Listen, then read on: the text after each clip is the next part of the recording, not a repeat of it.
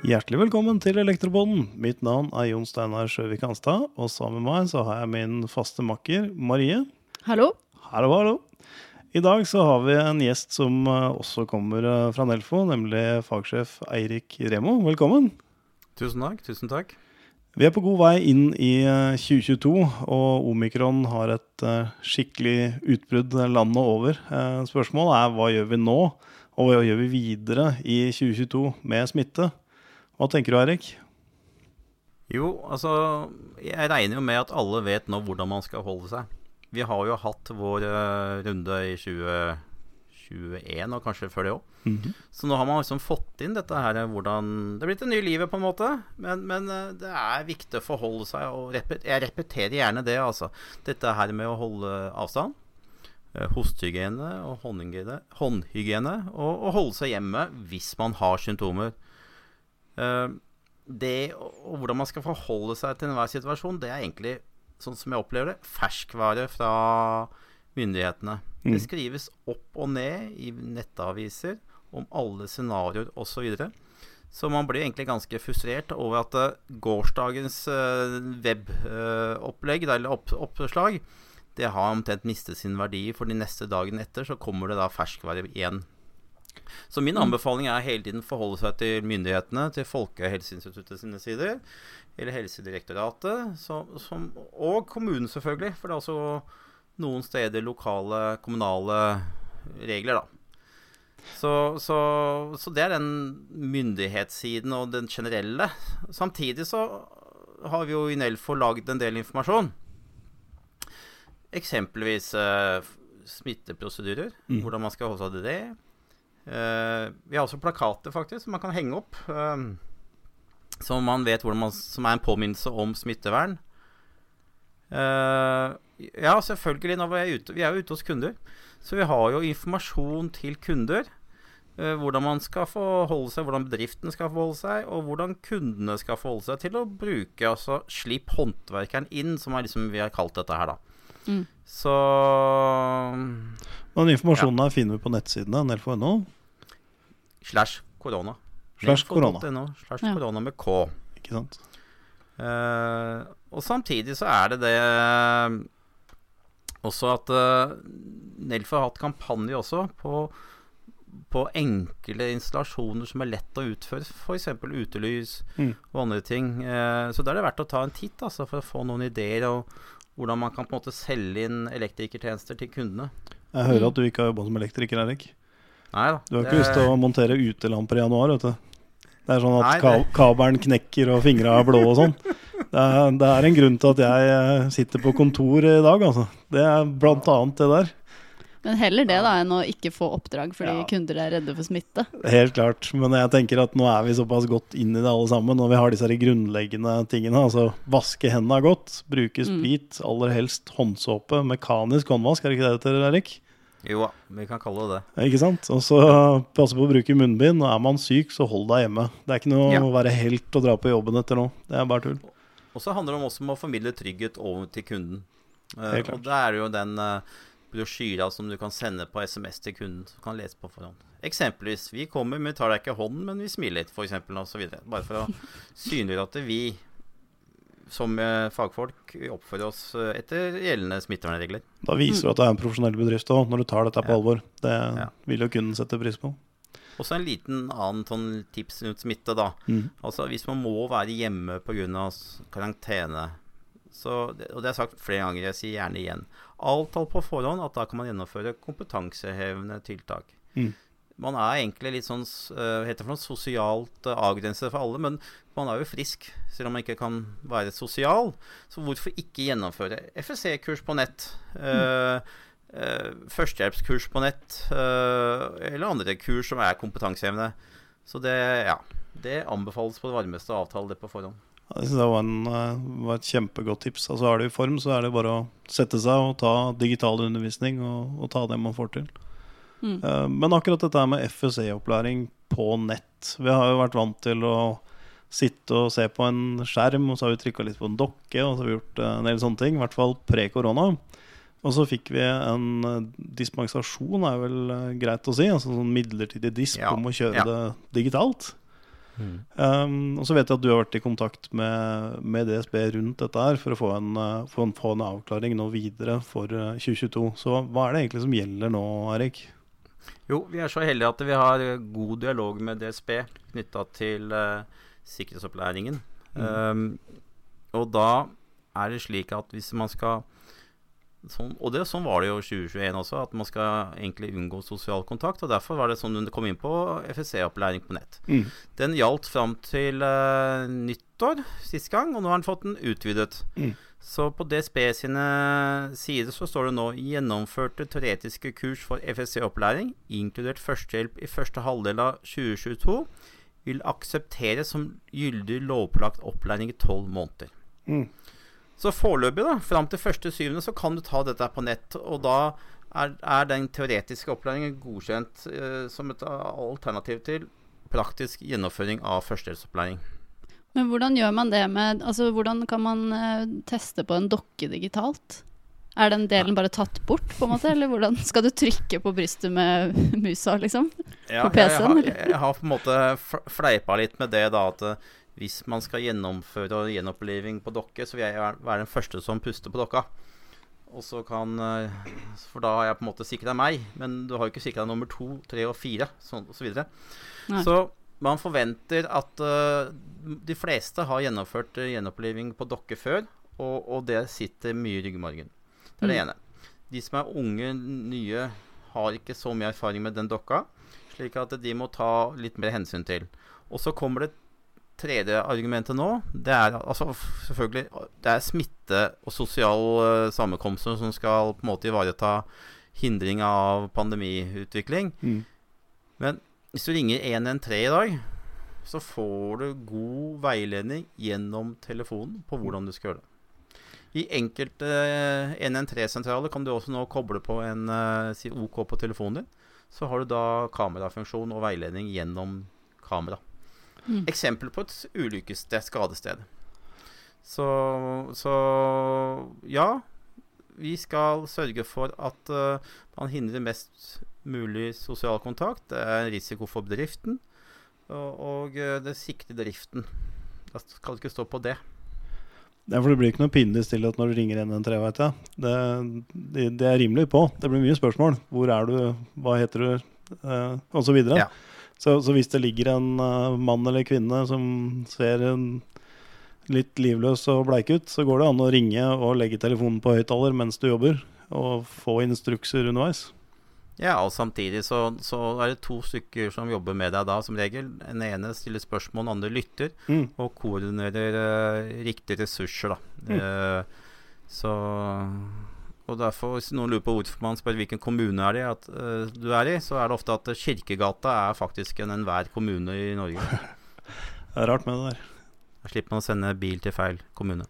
Mm. Ja, det er et godt poeng, men terskelen for å ringe 113 hvis det skjer noe også, skal være lav. Uh, Du får jo bare beskjed om at dette er et tull, hvis det bare er tull. holdt jeg på å si. Du har ikke gjort noe gærent, for jeg tror det sitter ganske langt inne for folk, Erik, de som ikke er vant til å ta kontakt. Ja, ja, jeg har jo sittet i andre enden, da. Og hatt Mm. ansvar for en uh, medisinsk nødtelefon, som det fint heter. Det, det er veiledningstelefon. Så det kommer alt mulig, alle mulige telefoner, ja.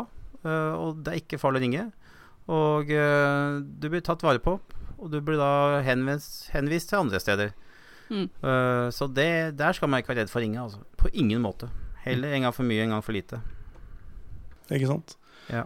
Marie, du er vår ekspert på sol og batterier. Man skal jobbe trygt der òg, skal man ikke det? Jo, det må man jo. Og det, jeg tenkte litt på det i stad når du nevnte med altså, enkle installasjoner ute. Så er jo det også en I hvert fall solceller er en type installasjon som eh, kunder som er veldig redd for smitte, kan da overtales til, Mm. tenker jeg. Men eh, det er jo også sånn at vi har lagd to veiledere i Nelfo. En på sol og en på batteri. Og de eh, er jo stadig under oppdatering. Og vi har jo jobba litt sammen med deg der, Eirik, for å få inn HMS-kapitler i begge veilederne, for det er jo veldig, veldig viktig. Men Ja. eh, siden vi nå prøver å ta på oss uh, HMS-brillene, eller vernebrillene, og se inn i det nye året, så lurer jeg litt på hva som, eh, hva som har skjedd videre med de veilederne på HMS-feltet. Hva er nytt? Ja, altså Som du nevnte, altså, det er stort markedspotensial i disse solcellene. Og ja, de må være ute. Så det, det, og de som eh, har merket høye strømpriser, er vel mer opptatt av å kanskje få sånne solcelleanlegg nå. Eh, Mm. Nei, altså et, Et solcelleanlegg å installere også har en, absolutt en HMS-side. Eh, og det er mange sider ved det. Eh, for å starte ett sted, da. Du skal jo montere dette her et sted. Ofte på tak. Mm. Og da ja, Hvor mye veier et sånt solcellepanel? Er det rundt 20 kg, Marie? Ja, per panel, ja. Mm. Ja per, ja, per panel. Og dette her Mm. skal da monteres på et tak. Og det betyr at det er, det er såkalt arbeid i høyden, og det er et eget kapittel om dette i arbeidsmiljøloven og Mm. forskriften tilhørende. Eh, for det, er- her er det på en måte Her må man jobbe sikkert. Eh, for her kan du falle ned. Og det å falle ned fra sånt tak, det har jeg dårlig erfaring med, eh, rent sånn profesjonelt.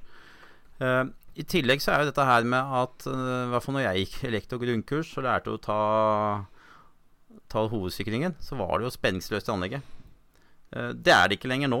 Så hvis du Nei. har da eh, hatt den grunnleggende opplæringen en gang i tiden og ikke fornya deg, så, så faktisk så velger du da Så det kommer jo spenning inn fra solcelleanlegget òg. Så, så, så, så derfor, ut ifra denne solcelleveilederen, da, så har det jo blitt laget uh, prosedyrer knytta til solcelleanlegg og batterianlegg. Og, og prosedyrene ligger da selvfølgelig i Nelfo integrator i Nelfo internkontrollsystemet, Mm. Som, som gjør at det, det er oppdaterte. Og, og dette her gjelder jo alt arbeid som vi driver med, eller ikke vi, men der ute. Husk å måle. Husk å måle. Gjør man det, så vet man man jobber spenningsfritt, da. Er det ikke dette, ja, Løst. Spenningsløst. spenningsløst. Spenningsløsanlegget. Så, så det, det å måle ja, det, Ha det som en fast rutine. Mm. Det er, det, er, det er på lik linje som når vi alle går og vasker hendene våre hele tida. Så ta hele tiden noen mål. Mm. Klart. Det er et godt råd. Mm. Men som du nevnte, arbeid i høyden. Altså noen eksempler på hvordan man kan eh, sikre seg mot ulykker, da. Har du noen eksempler på det i et solcelleanlegg?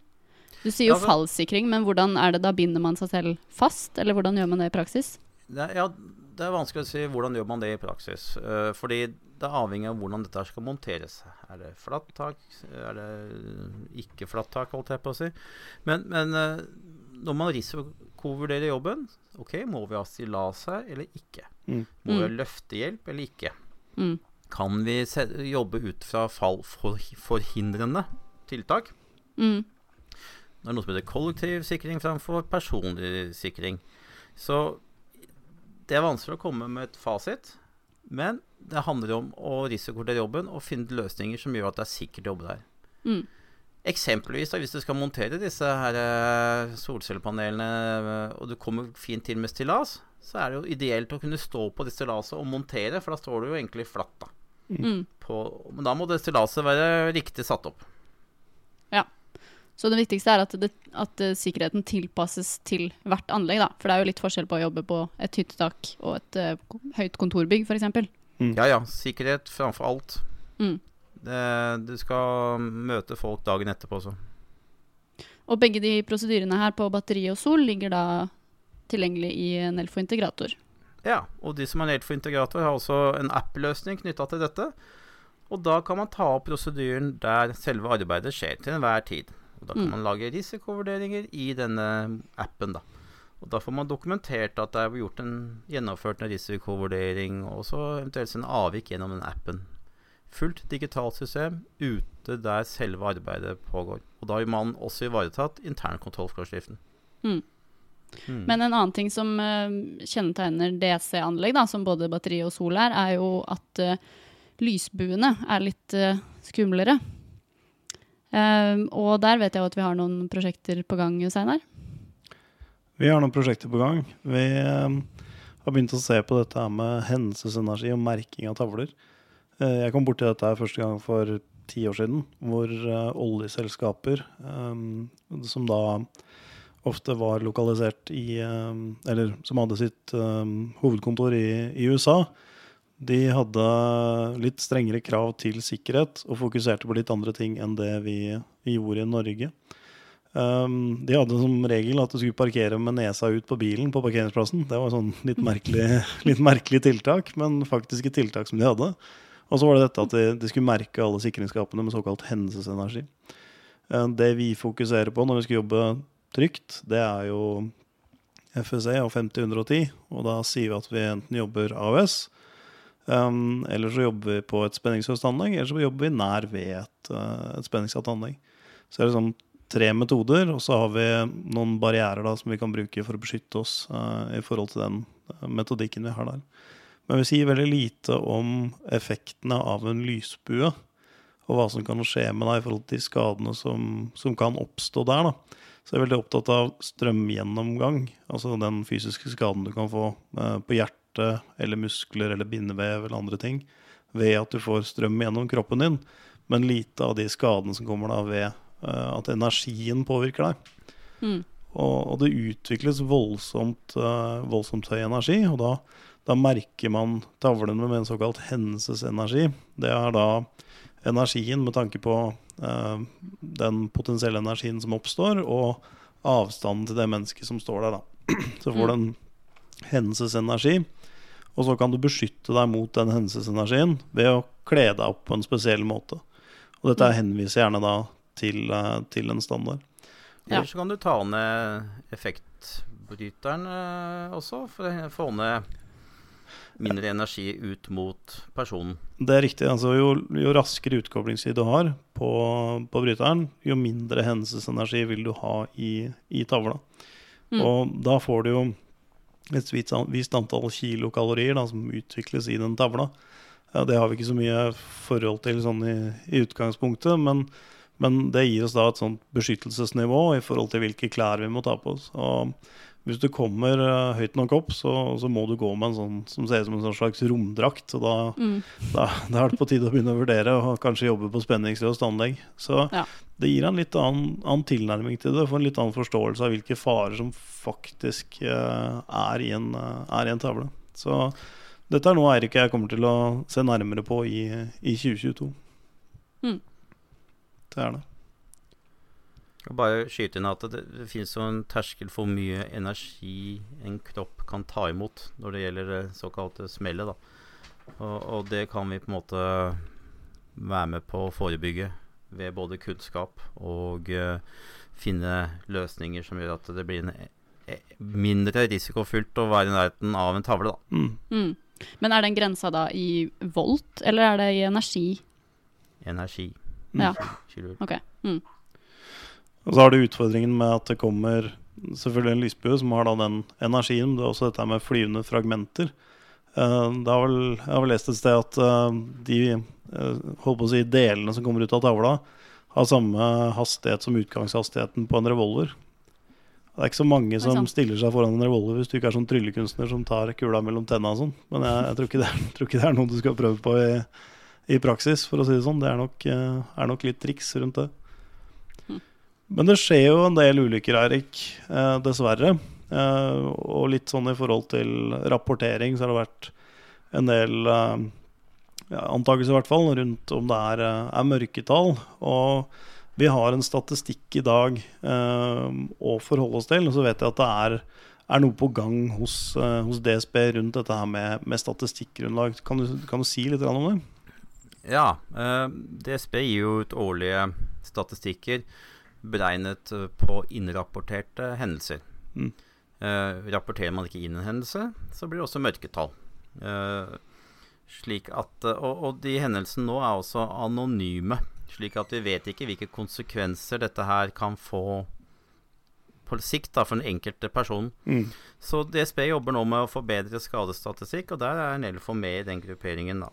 Mm. Og mm. Målet er å få til en statistikk som er lettere å uh, bearbeide, lettere å følge opp, og uh, samtidig at vi skal lære mer av dette her. For det er utrolig høye mørketall knytta til dette. Altså. Dette her må vi få mer kunnskap om. Mm. Mm. Så der kommer det nå høyst sannsynlig i 2022, en, en, en, ny løsning som igjen bygger opp et nytt uh, datainnsamlingsverktøy. Som når den kommer, det vet jeg ikke, men uh, DSB har en plan her, og vi er med å påvirke dette her. Mm. Det er bra. Jeg tror det er viktig å, å få god statistikk for å kunne ha et godt, uh, godt HMS-arbeid videre, sånn at vi vet akkurat hvor vi kan, kan pinpointe og, og jobbe videre. Uh, men jeg nevnte i stad dette med hendelsesenergi, og at vi skal jobbe med det, uh, Eirik. Og jeg vet at uh, gutta på Febdoc også er i gang med å, å, se på dette her med beregninger rundt hendelsesenergi. Så det skjer på mange fronter rundt dette her. Så det, det er en, en joint innsats fra, fra Nelfos side på, på, mange felter. Både Febdoc, teknisk og, og HMS-området. Men vi har jo også da 50-110, som er den metodikken vi forholder oss til i dag, som FSE peker på. Og I den forbindelse så har du blitt uh, nytt medlem i NK 128. Gratulerer med det, Erik.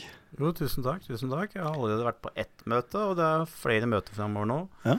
For nå begynner det å skje noe innenfor den delen òg. Det, det, skal komme en høring nå som ved nyttår knyttet til, eh, til denne her 50110. Eh, ja. Den eh, skal først oversettes til norsk.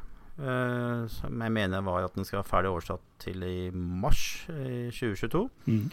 Og da er det ute på høring. Og den er vel hvert fjerde år den er ute, tror jeg. Så jeg er ganske ny i den komiteen. Men, men den kommer i hvert fall på høring nå i første halvår 2022. Mm. Mm.